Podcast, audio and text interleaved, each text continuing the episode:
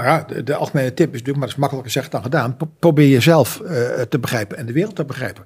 Als je jezelf niet begrijpt, dan kun je de wereld niet veranderen. Ja. Dus eh, je, je ontwikkelen, dat is eh, niet alleen leuk, maar ook nodig. En, en dat kan ik eigenlijk iedereen.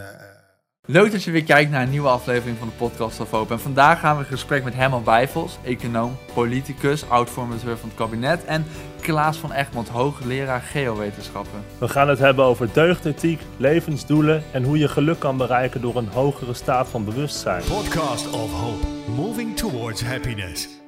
Nou, leuk dat jullie er zijn.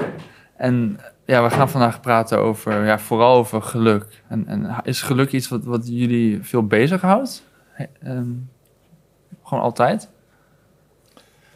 V- volgens mij is geluk een, ehm, een soort eh, resultante van ehm, hoe je het leven vormgeeft.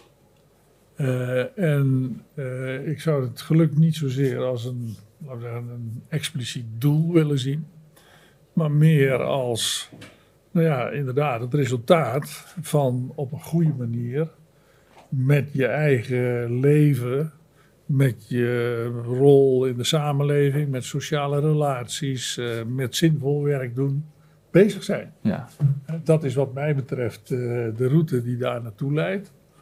Ehm, en ehm, eh, ja, als dat allemaal een beetje functioneert, laat ik zo zeggen, als je de weg vindt in je eigen leven, als je eh, in de loop van je leven je zielenopdracht eh, vindt. eh, en daar stap voor stap mee aan de slag gaat. Ja, dan word je gelukkig. ja. Zo werkt dat volgens mij. Ja, en u zegt een, een route die daar naartoe leidt. En is geluk dan een soort van gelukkig zijn, het, een, een soort van punt waar, wat je bereikt? Of kun je dat al zijn terwijl je ermee bezig bent? Ja, natuurlijk. Dat is ook laten we zeggen, een staat die. Een staat van zijn die je onderweg op dat traject eh, kunt eh, bereiken. Dus het is niet iets waar je laten we zeggen, een hele tijd naartoe werkt en dan ineens eh, is het gelukt hoor. Nee, dat, je kunt ook als kind al heel gelukkig zijn. Hè? En ook al, als een zeer oudere kun je ook nog steeds gelukkig zijn. Ja. Dus het, is iedere keer weer in de situatie waarin je leven zich bevindt, de dingen doen ja, die corresponderen aan wie jij eh, in essentie bent. Ja. En dat verandert ook heel veel dus. En dat, ja, dat, dat ontwikkelt zich in de loop van de jaren. Hè. Dus ik kijk altijd naar het leven als een ontwikkelingsopdracht. Eh, zowel het leven als fenomeen, als ook je persoonlijke leven. Het gaat erom de potentie die in dat leven zit. Eh, dus in, in het geval van de persoon in je, in, je, in je persoon zit. Om die tot ontwikkeling te brengen. Ik noem dat wel letterlijk uit de wikkels halen Ja. van eh, de potentie die er is. Hè? Dat, dat is waar het volgens mij in het leven om gaat. En als je dat op een goede manier doet, nou, dan eh, is geluk iets wat je meestal ten deel valt. Er zijn natuurlijk ook, kunnen we zeggen, accidenten de parcours, dat je onderweg iets tegenkomt waardoor het tijdelijk eh, het geluk eh, wat minder eh, eh, zeg maar, voorhanden is. Eh, maar dat hoort ook bij het leven. Dus als ik het goed begrijp, is het niet het uiteindelijke doel, maar wel iets dat bijkomstig is bij het leven van een goed leven, zoals dat voor jou zou. Ja, dus het, is, gaan. niet, het, is, niet, bij- het is niet bijkomstig, maar het is er het resultaat van. Ja, oké, ja, Ja. ja. En bent u het daar een beetje mee eens? Ja, een beetje heel erg. Ik zit even te denken, de laatste eh, woorden. Ik geloof dat boeddhisten zeggen, het, eh, de weg is het doel. Hè? Dus het is niet per se dat er nou een, een, een, een, een doel echt goed bekend is, maar de weg daar naartoe. En dat speelt bij mij ook een hele grote rol. Ik denk dat eh, dus, dus, de, dat heeft te maken met, met het inzicht in wat de bedoeling is. Jezelf begrijpen, de wereld begrijpen, het leven begrijpen. En daar dan ook dus de zin van zien. En een bedoeling achter zien. En wanneer je dus in het spoor van die bedoeling zit, dan voel je je als mens eh, gelukkig. Het kan ook nog iets meer naar het zintuigelijke zitten, wat mij betreft. Daarnaast, hè, want dit is dan echt geluk in maatschappelijke zin. Het ervaren van iets wat je als wezenlijk eh, ziet. ehm, kan, kan een rol spelen. Bij mij is die hele geluksbeleving bijvoorbeeld rond muziek weer erg wezenlijk. Ja. Ehm, dat maakt mij dan gelukkig op eh, een bepaalde manier. Eh, dit, dit plaatje wat je hier ziet, dit is trouwens het Van Baarle trio, die, eh, waar ik toevallig vorige week was. Maar ehm, dat is een belangrijke component in, in, in gelukkig zijn. Maar ook vooral dingen begrijpen, of jezelf begrijpen en de wereld begrijpen. Dat vind ik wel een heel belangrijk punt in geluksbeleving. Ja. Ja, en u speelt zelf ook eh viool, toch? Of, of was u dat? Nee, nee, ik niet. Ik speel enigszins eh, eh, eh, viool en een beetje piano. Ja. Eh, en ehm, nou, dat, eh, dus ook als actieve muziekbeoefening is dat een, een, een heel belangrijk punt van mijn bestaan. Ik moet er niet aan denken dat ik mijn pols ga breken of zo, want dan Nee. kan ik dus dat niet meer kwijt. En ehm, door, door zoiets te doen kom je ook wat meer in contact met je eigen eh, gevoel. En, en dat is voor een eh, mens ook heel goed. Ja. Maar als u bijvoorbeeld iets als muziek kwijt zou raken door wat u zegt uw pols te breken, zou er dan geen substituut voor zijn om met datzelfde gevoel in contact te komen of iets?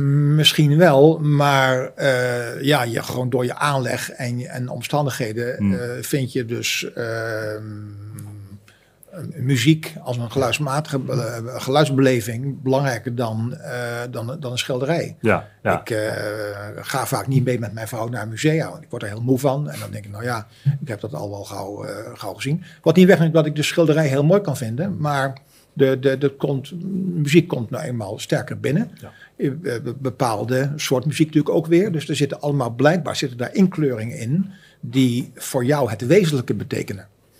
En ehm, ja, dat, dat, dat, dat is dan een verschil. ja, dus geluk eh, en, en dingen waardoor je geluk beleeft zijn ook dus niet voor iedereen hetzelfde natuurlijk. Dat Precies, is echt eh, ja. een individueel iets. Ja. Ja. Ja, ja, ja, Ja, en zit er dan ook een verschil tussen dingen waar je echt gelukkig van wordt en dingen die je echt leuk vindt? Of is het als je heel veel dingen doet die je leuk vindt, kun je daar dan gelukkig van worden? Of is dat... Zijn er wel ik- denk dat gelukkig zijn niet, eh, niet hetzelfde is als leuk. Dat kan zelfs heel Ja. omgekeerd zijn. Ja. Er zijn een heleboel dingen die zijn niet leuk. eh, en daar word je toch gelukkig van. Omdat je denkt dat je ze moet doen. Ja, eh, ehm, omdat je denkt dat het wezenlijk is. En daarmee ervaar je dan natuurlijk toch ook... Kom je dichter bij jezelf. Kijk, Herman heeft een boek geschreven, of zijn biografie heet zo, De Opdracht. Dat is voor mij ook een heel belangrijk woord. Dat heeft een beetje te maken ook met die bedoeling. En het idee dat er in je leven ook zoiets is als een opdracht. Je bent ergens terechtgekomen, al dan niet toevallig. Ehm, en daar moet je dan iets doen. En als je dat dus dan ook van harte doet en daar dan probeert in te slagen, dan is, hoeft dat niet per se te lukken. Maar dat streven daarnaar, eh, dat geeft dan al een geluksgevoel. En dat kan soms helemaal niet, helemaal niet leuk zijn, want dan moet je ehm, twaalf uur per dag werken of zo. ja, Maar dan toch, eh, dan is het niet leuk, maar je wordt er wel gelukkig van. Ja, Heel, heel hard werken in moeilijke omstandigheden. Hè, dat, is, eh, nou ja, dat, is, dat is echt niet leuk.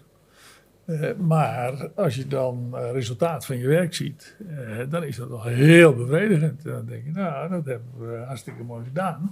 ja. En dat ja, geeft ook geluksgevoel natuurlijk. ja misschien denk je dat De het... pheromonen die komen dan ook tevoorschijn. hoor. Ja. Ja. Dan zou je dan zeg- kunnen zeggen dat je juist gelukkiger wordt wanneer iets moeilijker is? Nou, niet- dat, dat hoeft niet per se. Nee, niet per se. dat hoeft niet per se. Dus ik, la- laat ik een voorbeeld noemen. Zeggen, het omgaan met kleinkinderen Mhm. is iets wat ehm, nou, gewoon nou, heel mooi is, heel vaak. Hè? Dus Soms zijn ze ook wel eens lastig. Maar, maar in het algemeen, hè, als je ziet je nageslacht en dat dat opgroeit en eh, nou, daar mee in contact zijn, nou, daar word je echt wel gelukkig van. En dat is niet zwaar of moeilijk. Hè? Dat is eh, gewoon eh, leuk, fijn. En, eh, dus het, het, is, eh, het kan alle kanten op gaan. Ik vond het toch wel interessant wat je zei, Cliff. Want inderdaad, eh, als iets moeilijk is, dan kan ik me voorstellen dat de uiteindelijke bevrediging die je voelt als het gedaan is, dat dat wel groter is. Aangezien je daar misschien veel harder voor hebt gewerkt of iets in die richting. Ja. Dus misschien heeft het er wel iets mee te maken. ja, of dan heb je weer dat verschil tussen wat dan goed voelt en wat echt geluk is. Ja, Dat zou kunnen. ja, ja, ja. ja, ja. Maar geluk heeft meer betekenis. Hè? Als je dus de loterij wint morgen, dan, ben je, kan je, zeggen, dan heb je geluk gehad. Ja, ja. Maar dat is iets anders Ja, ja, dan ja. gelukkig zijn. Ja, zeker. En dus dat, eh, Nou, laat ik dan zo, nog eens een ander ding noemen. En ook een beetje een terreinbestrijk eh, of betreden waar wij samen nogal actief in zijn. Kijk, er, zijn, er zijn nogal wat mensen die eh, worden heel gelukkig van shoppen. Ja. Eh, hè, dus die, die vinden geluk eh, in spullen, in het hebben van materie. En misschien niet eens in het hebben van materie, maar in het verwerven van materie. Dus elke week een nieuw jurkje, ik noem maar wat. Dat, dat, dat zijn geluksmomenten voor, voor die mensen. Maar als je dat op een grotere schaal bekijkt, dan is die verslaafdheid, want dat is het vaak, Ja. aan spullen, aan materie, aan hebben, is iets wat we met z'n allen niet kunnen volhouden. Hè? Da- daar, daar vloeit uiteindelijk eh, het hele ecologische vraagstuk uit voort. Ja. Eh, dus er zit ook wel iets in, eh, laten we zeggen, in de, de reis die we als mensen met z'n allen maken. Eh, dat we moeten leren, eh, laten we zeggen, wat eh, geluk eh, eigenlijk in essentie is. Hè? En ik denk dan dat laten we zeggen, het verzamelen van materie, het verzamelen van spullen, eh, uiteindelijk iets is waarin het geluk eh, ultiem niet te vinden is. Nee. Ja. Dat kan in een bepaalde fase, kan dat voor sommige mensen dan zo zijn. En, en, en nu nog voor vrij veel mensen. Maar daar is het uiteindelijk niet eh, te vinden. Ja, dat is een ik- afleiding. Ja, ik Ja. maak daar zelf ook altijd een beetje een tweesplitsing in. eh, wat ik zelf dan blijheid noem en geluk. En blijheid is dan inderdaad het gevoel dat je krijgt als je iets koopt. Dat vind je dan leuk. En dat is dan vaak ook korte termijn. Maar als je jezelf ook bijvoorbeeld aanleert om ook gelukkig te zijn... eh, terwijl je niet heel veel spullen koopt of heel veel materie verwerft... dan ben je denk ik uiteindelijk gelukkiger. En, en dat is wat voor mij echt geluk is. Om dat ook in de lange termijn te zien en niet alleen de korte termijn. Ja, zeker. En, en, en hoe belangrijk is geluk eigenlijk? Is dat iets waar bijvoorbeeld de politiek of, of, of iets waar gewoon we samen naar moeten streven? Of is dat iets wat iedereen gewoon voor zichzelf moet uitzoeken? Is het zo belangrijk dat we dat samen moeten doen? Nou, ik denk dat dat eh, op twee niveaus speelt. Hè. Dat speelt op het individuele vlak. En eh, wat dat betreft eh, precies hetzelfde op het maatschappelijke vlak. Ik moet een beetje denken, zo'n discussie aan, eh, aan ben ik nogal een fan van, van de, de, de deugdethiek van Aristoteles. Dat is natuurlijk gelijk een hele mond vol. Maar daar, daar gaat het over het idee dat, er, dat wij het evenwicht moeten zien te houden tussen allerlei uitersten. En die uitersten, dat zijn dan hele fundamentele omstandigheden die, waar wij als mensen in zitten. Eh, en eh, door dat, dat evenwicht te bewaren, eh, zegt Aristoteles dan, dat is het goede. En daar worden wij gelukkig van. Dat heet eudaimonia. En dat is een moeilijk vertaalbaar woord wat min of meer op met geluk overeenkomt. Dus wanneer worden wij als persoon gelukkig? Wanneer we dus in dat krachtenveld overeind blijven en niet vervallen in die, eh, in die e- materiële kant alleen maar. Ja. Met dat shoppen, dat hoort natuurlijk ook bij, want we zitten hier met een fysiek lichaam aan tafel. Eh, maar er is ook een geestelijke kant. En wij zitten, eh, wij hier en jullie daar. En in al die krachtenvelden moeten we als mensen overeind zien te blijven. En het gaat allemaal mis doordat we dus, eh, zo onzeker zijn over onszelf, om met Jong te spreken, dat we ons vastklampen aan alles wat houvast geeft. En dan gaan we dus shoppen omdat we denken dat we daar gelukkig van worden. Wat niet zo is, dus nog meer shoppen. Ja. Eh, en dat lukt het nog niet. En op een gegeven moment is de wereld op. En dat, is, dat heet de ecologische crisis. Dus het, het, het tegendeel van het geluk is de catastrofe. Ja, En eh, het zoeken dus naar dat, dat, dat, dat middengebied waar de boel min of meer in balans is, om met Cohen te spreken, de boel bij elkaar wordt gehouden, dat is waar het allemaal eh, eh, om gaat. En dat moet je er in jezelf zien te organiseren en in de maatschappij ook. En, en als, je dat, als dat lukt, dan kan je van een gelukkige samenleving spreken. En dan, dan dat, dat begrip, die vorm van geluk, is ook synoniem dan met moraliteit, het goede doen, Aristoteles, en met duurzaamheid. Omdat je dan al die catastrofes van die maniacale eh, eenzijdigheid, je storten op het materiële, of je stort je Taliban op het geestelijke alleen maar. Dat, dat is dan omgekeerd hetzelfde en even erg. Eh, en dat leidt allebei tot, eh, tot, tot, tot niet duurzame, niet continueerbare wereld. ja. Denkt u dat het lastig is voor een individu om zo'n Aristoteliaans midden te vinden? Eh, ja, dat is best lastig. Dat heeft Aristoteles ook al eh, ontdekt. En die zegt eh, in, in, in dat boek waarin hij zijn hele verhaal doet, dat, dat, dat je dan beter kunt beginnen om te kijken naar wat evident, duidelijk, overduidelijk aan de buitenkant ligt. Hm. Nou ja, wij vinden dan een beetje dat die mania maniacale van ik, shopperij in die gigantische winkelcentra, waar het, waar het altijd nooit genoeg is, waarin de mode iedere drie weken moet veranderen, waarin we de spullen na een paar dagen weggooien, dat dat inderdaad, dat je, dan zegt Aristoteles, pak dat nou eens eens eventjes aan, Ja. want je kunt het midden-O bereiken door die uitersten uit te schakelen. En je kunt bij jezelf natuurlijk ook te raden gaan en zeggen van nou ja, eh, of eens even nadenken. Als je zo je, je, je laatste week of je laatste jaren of je hele leven terugkijkt. Van in die en die dingen ben ik toch een beetje maniacaal. Eh, kun je daar niet van afkomen? Verslavingen, toestanden, eh, altijd dezelfde groef opzoeken. En dat heeft dan weer te maken, dan zijn we terug bij het begin van de discussie, bij, bij de, ene, de notie van wat de bedoeling van het mens zijn is en van de wereld is. Dat zijn grote woorden, maar daar kun je niet omheen, want die spelen voor alles en iedereen altijd. Ja. Maar wat ik me kan herinneren is dat Aristoteles volgens mij eudaimonia wel als een soort van ultiem doel ziet van het menselijk leven, toch? Heb ik dat? Ja, ja, ja, ja, ja, ja. Ja, ja. Dus dat, die, maar dat is dus, doordat het doel min of meer wordt bereikt, of, of de weg er naartoe gegaan wordt, eh, eh, in het streven naar dat doel, waarbij het doel ook de weg kan zijn dus, Ja. treedt die gelukservaring op. ja, ja. Kijk, weet je, voor mij is een heel belangrijk begrip eh, menselijke waardigheid. Dus eh, als we het hebben over zeg maar, collectief, over samenleven, eh, dan gaat het er wat mij betreft om de samenleving zo te organiseren dat mensen eh, naar hun mogelijkheden in waardigheid kunnen leven. Eh, dus dat ze zeggen, hun talenten, hun creativiteit, eh, hun mogelijkheden kunnen omzetten in een bijdrage aan het geheel, aan, aan de samenleving. En op die manier zeggen, kunnen zijn wie ze en kunnen worden wie ze in potentie bij geboorte al waren. Want eh, als je geboren wordt, dan ben je eigenlijk een, een bundeltje potentie, niet meer dan dat. Hè? En, en dus het, en het leven is erop gericht om stap voor stap die potentie in de realiteit te brengen. En op die manier in volle waardigheid jouw leven vorm te kunnen geven. Ja. En dat kan op allerlei manieren en dat kan op allerlei niveaus. En er is geen, geen algemene maatstaf voor. Maar als je, zegt dus inderdaad, in de extreme vervalt, dus door eh, te materi- materialistisch te zijn of door eh, te veel te eten en te- zeg maar, te veel junkfood tot je te nemen of wat dan ook, ja, dan limiteer je in feite de potentie Ja. die je in feite bent. Hè? Dus, dus de, daar, daar komen die dingen, wat mij betreft, in samen.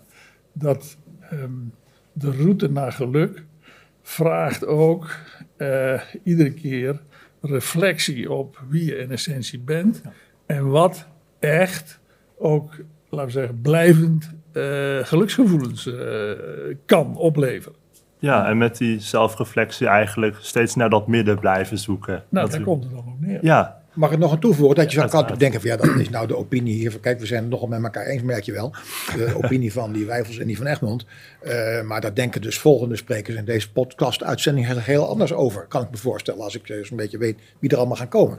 Maar er is één eh, eh, toch markante extra claim van onze kant. En dat is het feit dat wat wij zeggen hier, dat dat niet nieuw is. Dat dat al duizenden jaren Ja. in de filosofie bekend is. We hadden het over Aristoteles Aristoteles, ja. dat wij dat in de eh, eh, kunst en cultuur van Europa minstens, de rest van de wereld ook, maar laten we Europa zeggen, dat dat er allemaal al in zit. Dat in de grote meesterwerken van kunst en cultuur in, in Europa, Shakespeare, eh, Mozart, Wagner, Frederik van Ede, dat dat er allemaal, dat verhaal al in zit. Dat, we, we weten dit al heel erg lang.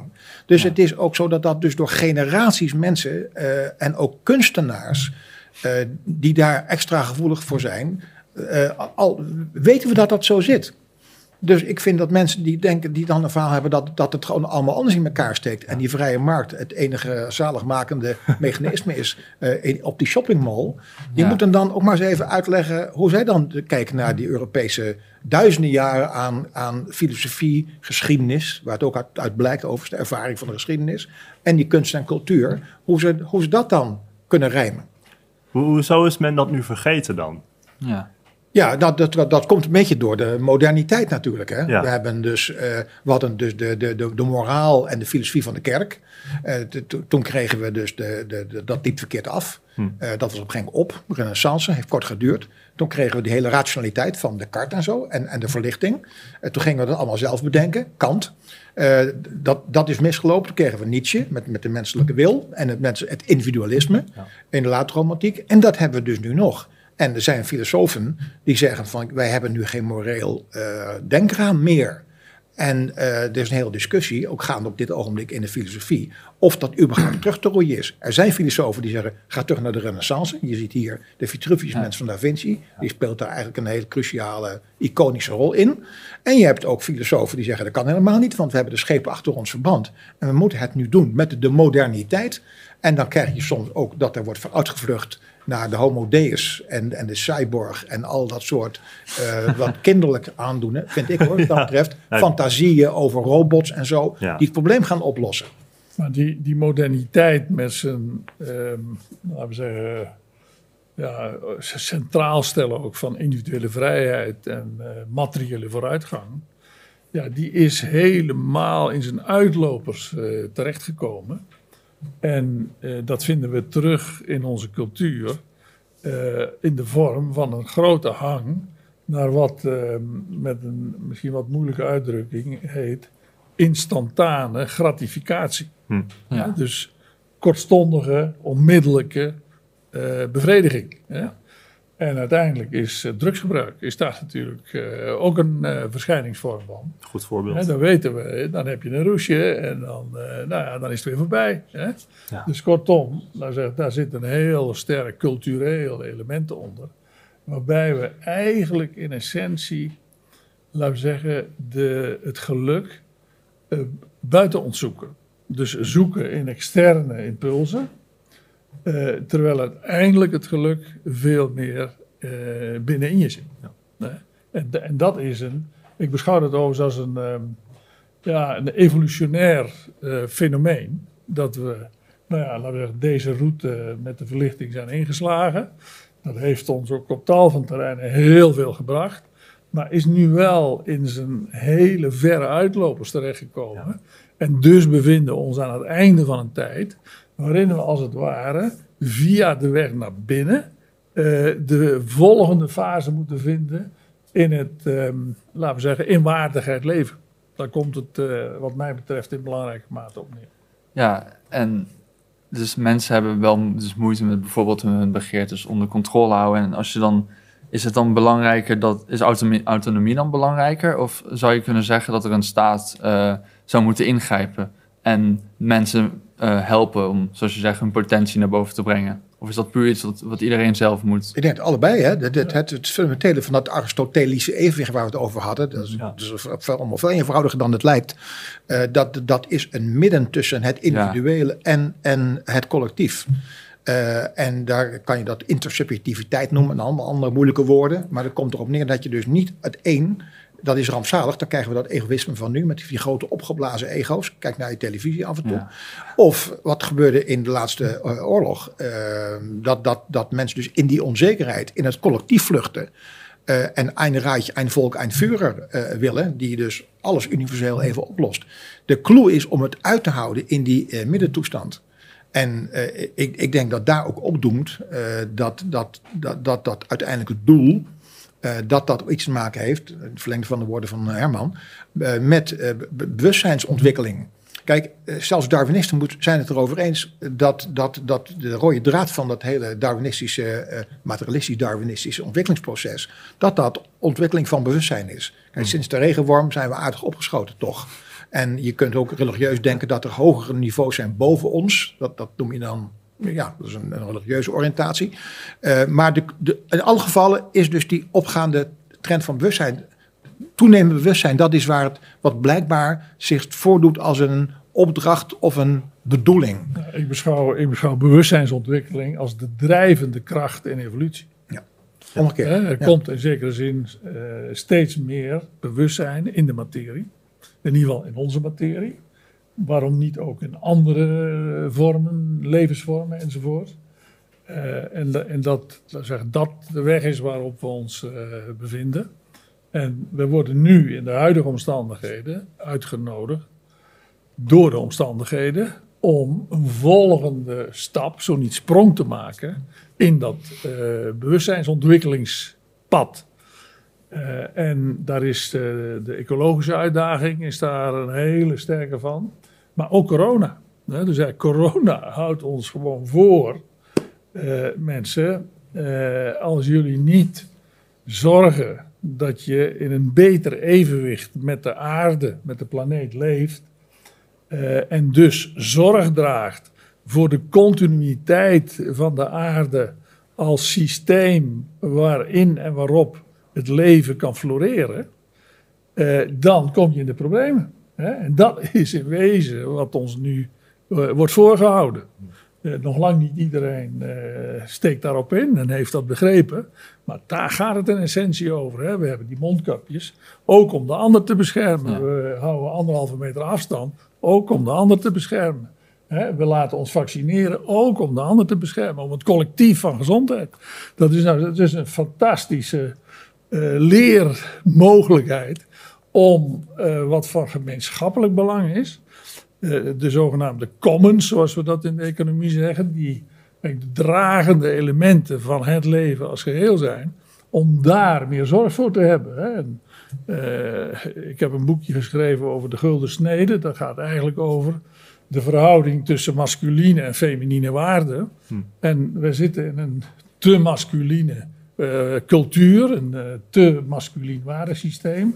En we moeten naar een veel meer feminien waardesysteem, waarin die zorg voor het gemeenschappelijke, die zorg voor het collectieve, eh, veel meer centraal staat. Ja. En heel veel mensen, waaronder eh, bijvoorbeeld wij tweeën ook, ontlenen heel veel vreugde en dus geluk aan het, laten we zeggen, bijdragen aan eh, kennis daarover, maar ook aan bewustzijnsontwikkeling daarin. En daarom nou ja, zitten wij ook hier eigenlijk in feite om onze eh, mening op dat soort punten ja, met mensen te kunnen delen. Hè? En, eh, nou ja, ik ben nog iets ouder dan, eh, dan Klaas, maar ik zeg nog steeds, nou ja, da- en daar word ik ook gelukkig van, daar ben ik gelukkig van. Ik deel met wie het horen wil wat ik van het leven heb geleerd. En, dus, de- en, en dat is dus helemaal in dat pad van bewustzijnsontwikkeling. En zeker in de context waarin we nu leven, ja, is dat van cruciaal belang. Dat we daar, nou ja, laten we zeggen, heel goed op reflecteren. En met elkaar de weg zoeken die de continuïteit van het leven kan ehm, waarborgen. En deze discussie, die zou, als ik even in mag vallen, die zou dus in dit land ook moeten worden gevoerd. Nu, op het moment waarin al alle maatschappelijke terreinen, ik hoef niet te herhalen hier, klimaat, eh, onderwijs, de, de, de- alle, alle, alle maatschappelijke terreinen, loopt de boel nu helemaal muur en muur vast. Niet voor niks zit die eh, formatie van het kabinet ook helemaal vast. Daar zou dus nu, die vraag moet nu op tafel komen van waar worden wij nu als land gelukkig van? Ja. Heel veel mensen die dus een kantoorbaan hebben onder TL-buizen eh, het hele jaar, die doen dat omdat ze drie weken op vakantie kunnen met de familie. Om in die natuur dan iets te ervaren van wat Herman zegt. De, de, de, de deel uitmaken van die, van die wereld. Dus dat die allemaal, daar zijn doelen en middelen helemaal in de war geraakt. Dus dat moet herijkt worden. En daar moet een clubje komen, een club die dat, die dat nu gaat doen de komende jaren. Anders dan, we komen in de volgende fase. En die, die volgende fase moet nu worden uitgetekend. Overigens heeft corona al reuze geholpen om mensen, laten we zeggen, uit die kantoortuinen eh, het bos in te krijgen. Ja. Dus, eh, Ja, ja, ja. ik woon op de, Ja. op de, we allebei, we wonen op de Heuvelrug. En ik, ik, zit, ik eh, fiets daar vaak langs eh, rondom lage vuurs en zo. En dan zie je dus heel veel mensen met de koptelefoon op lopen te vergaderen in het bos. Hè? Ja, Bijvoorbeeld. Hè? Ja, ja, ja. Dus, eh, de- door de- de- en maar ook gewoon dat mensen weer hebben geleerd om eh, de schoonheid van ons eigen land Of ze eh, luisteren te kennen. naar deze podcast. Ja, nou, Dat zou helemaal mooi zijn. Zeker doen. Hè, maar, zeggen, de- dus de, de- en ook, ehm, vind ik ook een heel belangrijk ding. Dus dat is collectiviteit op kleiner niveau. Kijk, wat we in de industriële tijd gedaan hebben, dat is het scheiden van eh, werk en leven. Van werk en gezin, van werk en thuis. Hè? Dat is een typische industriële eh, manier van organiseren. Ja. Eh, nu met corona hebben we dus leren thuiswerken. Nou, de technologie die, die was net op tijd ver genoeg. En nu gaan we naar de toekomst waarin mensen ehm, gedeeltelijk thuis blijven werken en gedeeltelijk op kantoor gaan werken. Dus een veel betere ehm, zeg maar, verhouding binnen de leefeenheid die families eh, in veel gevallen zijn. Dus er zijn allerlei ja, indicaties waaraan je kunt afleiden. Nou ja, we zitten nu in een volgende fase waarin we op een nieuwe manier ons leven kunnen organiseren, op een nieuwe manier ons leven vormgeven. En op die manier, ja, laten we zeggen, weer een stukje dichter komen bij een eh, gelukkige en gezonde, in allerlei opzichten, manier van leven. Ja, dus, dus dat is eigenlijk nu zijn alle kansen hier om, om er wat aan te beginnen, de vraag te stellen en echt de goede kant op te gaan. Dat is nu het moment voor. Ja, en wij citeren allebei ook vaak een boek, eh, eh, dat heet Collapse, Ondergang, van Jared Diamond, vrij dikke pil. Eh, achterin zit een samenvatting die het mooi, mooi weergeeft, van een pagina of 30. En daarin zegt hij eigenlijk van, kijk, al die eerdere beschavingen voor ons, hè, denk je, Paaseiland en dat soort eh, Ja. bekende bestudeerde eh, toestanden, daar zagen die mensen het probleem wel aankomen. Maar de oudere belanghebbende generatie, die weerhield tot de jongere generatie ervan om zich tijdig aan te passen. En eh, dat speelt natuurlijk nu ook. Er zijn keiharde belangen en die, die zijn ook heel erg groot. En je moet dus zo toch voor elkaar zien te krijgen dat die dus niet de aanpassing aan de ontwikkeling blijven tegenhouden, want dan red je het niet. Nee. Interessant. U had het net ehm, nog over het masculine en feminine eh, aspecten van de samenleving.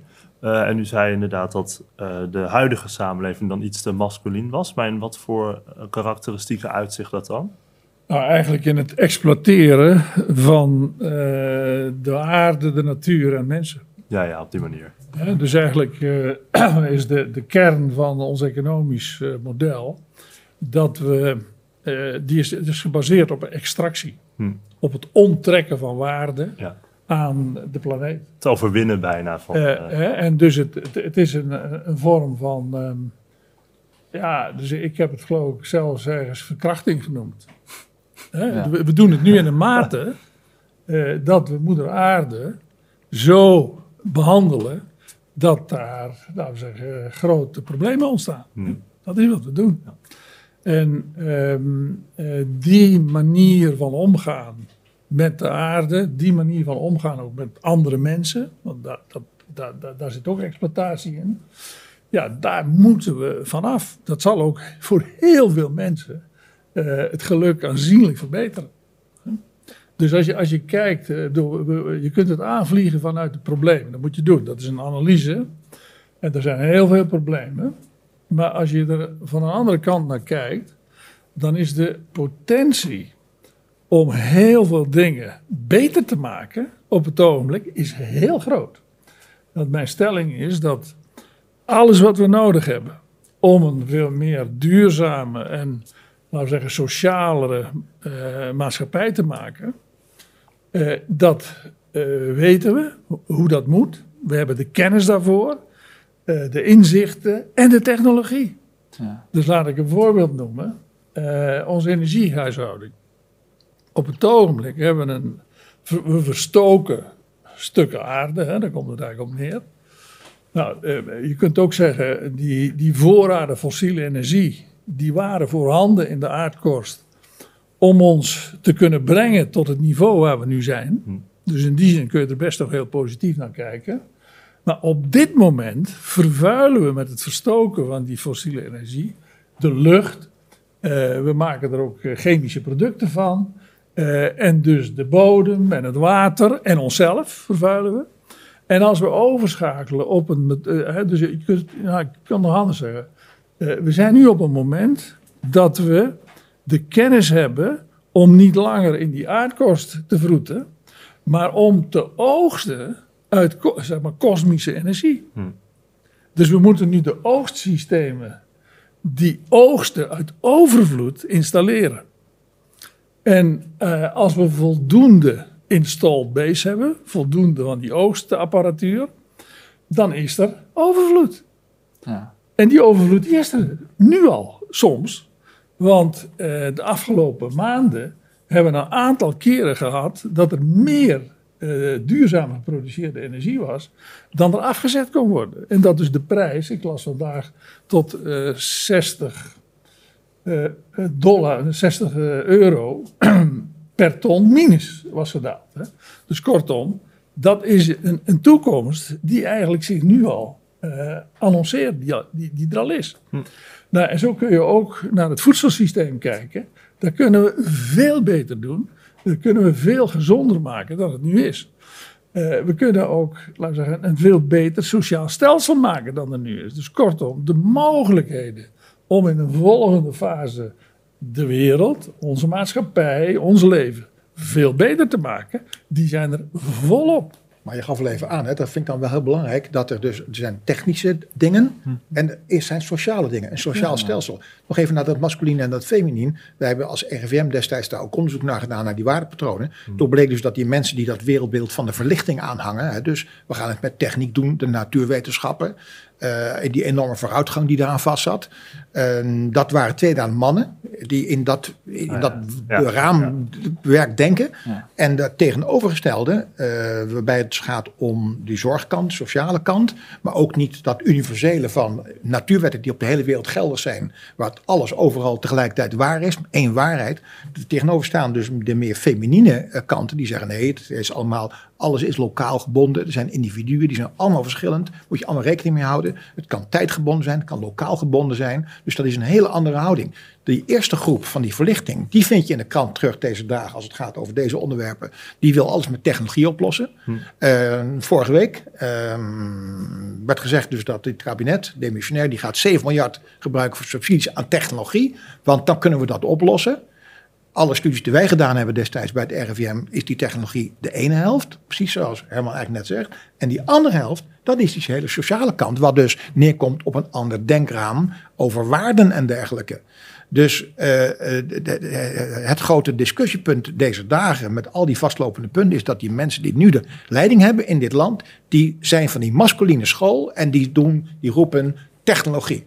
En die denken dus dat dat allemaal wonderen zijn. Die, en dat is dus niet zo. Dus daar, daar, daarom is die overschakkeling naar die feminine kant. En we zien ook een verschuiving in het waardepatroon. Wat dacht je trouwens van MeToo? Als een beweging die, dat is niet zomaar even een incident. Dat is een, een fundamentele eh, gebeuren wat zo ongeveer uit de, uit de wereld, of in de lucht zit. Of in het drinkwater. In ieder geval heel grote kracht. Dat is nu gelukkig gaande. Dus dit is ook niet houdbaar, dit systeem.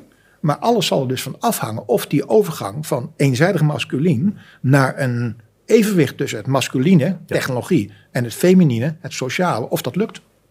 Ja, wederom dat midden zoeken dus eigenlijk. Ja, Komt het altijd op neer eigenlijk, ja. daar komt Ja, het nog dus, neer. eh, dus, eh, de, de, de- het boekje wat ik een paar jaar geleden gepubliceerd heb, dat heeft als titel De Gulden Snede. Hè? En de Gulden Snede is eigenlijk eh, de ideale verhouding. Mhm. Die overal in het universum en ook in de natuur en in eh, de vormen voorkomt. En dat is eigenlijk de verhouding tussen die twee krachten. Tussen een expansieve, een veroverende kracht, de, de masculine kant. En het eh, vormgevende, het eh, zorgende, Ja. de feminine kracht. En in de gulden snede eh, is die tweede kracht, die, die fe- feminine, die is, ehm, eh, of nee, de- het masculine is 1 en het feminine is 1,6. Ja. En dat is ook heel logisch, dat de vormgevende kracht, die moet groter zijn dan de expansieve kracht. Dus als de expansieve kracht groter is dan de feminine, dan boel- vliegt de boel uit elkaar. Hè? Overigens, als de feminine eh, kant groter is dan 1,6, dan implodeert het. Ja. Dus het moet precies in die verhouding zijn van 1 staat tot 1,6.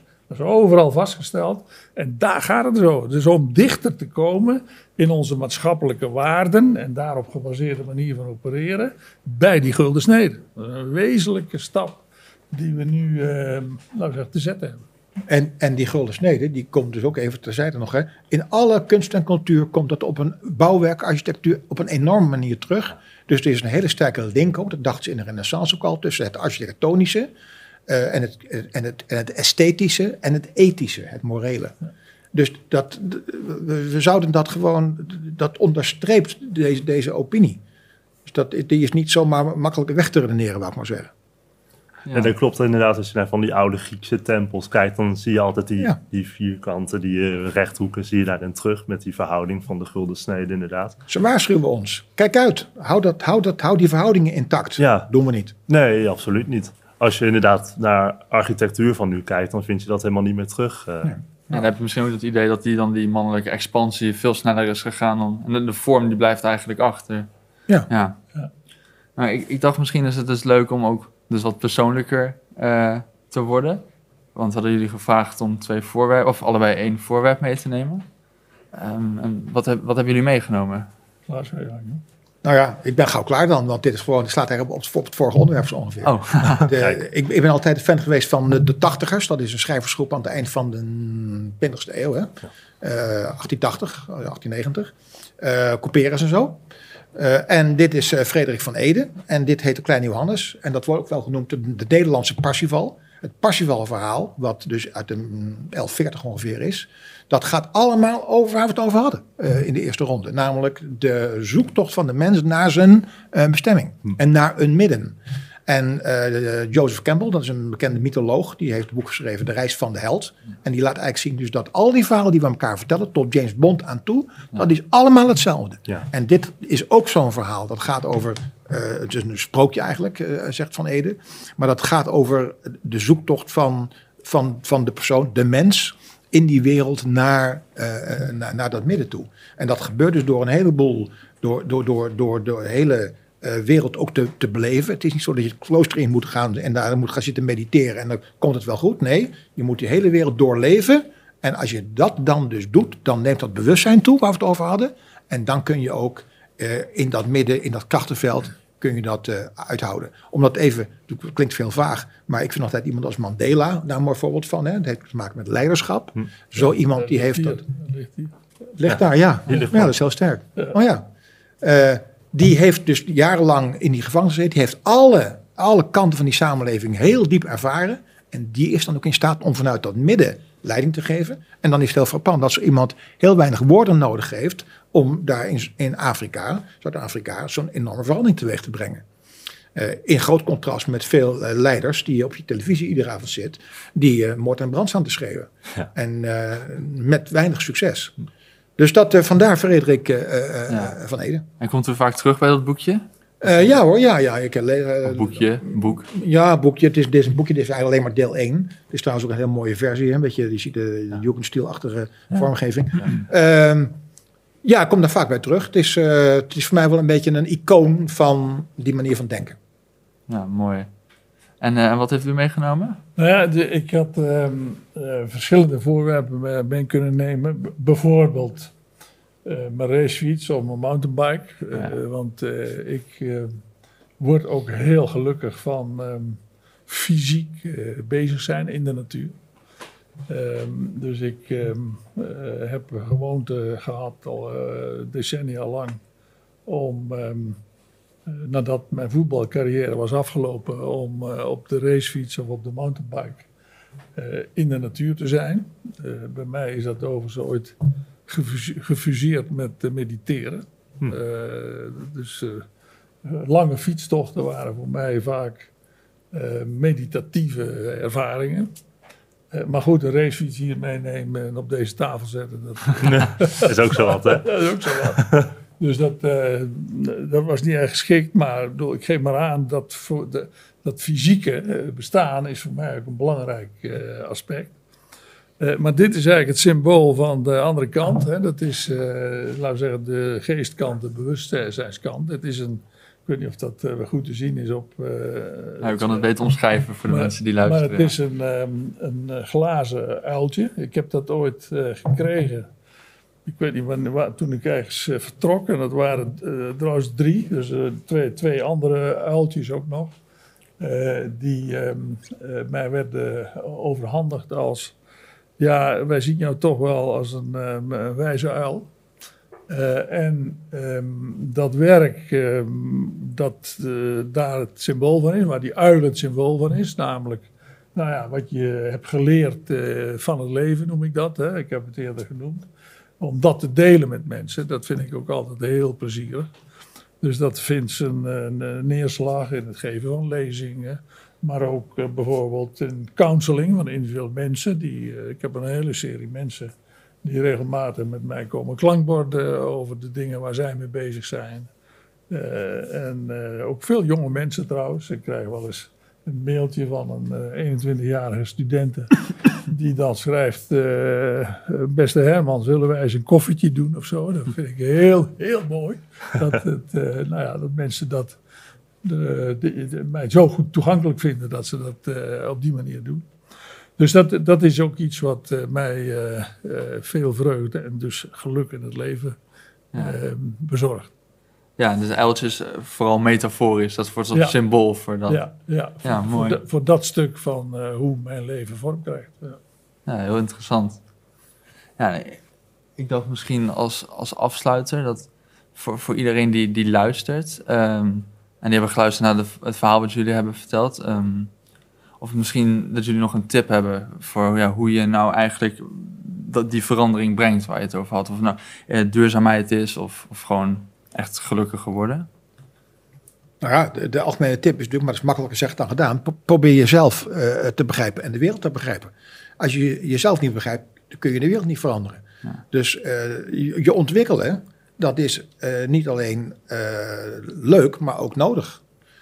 En, en dat kan ik eigenlijk iedereen eh, aanraden. Dus, dus, dus blijf eh, eh, geïnteresseerd, blijf je voortdurend verwonderen over allerlei dingen. Eh, neem niet al, doe niet alsof, dat die neiging hebben we ook heel sterk deze dagen, om te doen alsof we nu ineens in 2021 alles weten. De wetenschap is er heel sterk in. Verwondering is bijna taboe. Ja. Eh, alles is bekend, we weten alles. Eh, dat is niet zo. Blijf openstaan en verbaas je over eh, die wereld. En dan, dan wordt het ook makkelijker om dus die, die zoektocht naar de bedoeling en zo, om die te gaan. En dan, als je die, dat, dat dus op die manier doet, dan zullen mensen ervaren, weet ik 100% zeker, dat ze daar gelukkig van worden. Ook al is het niet altijd leuk.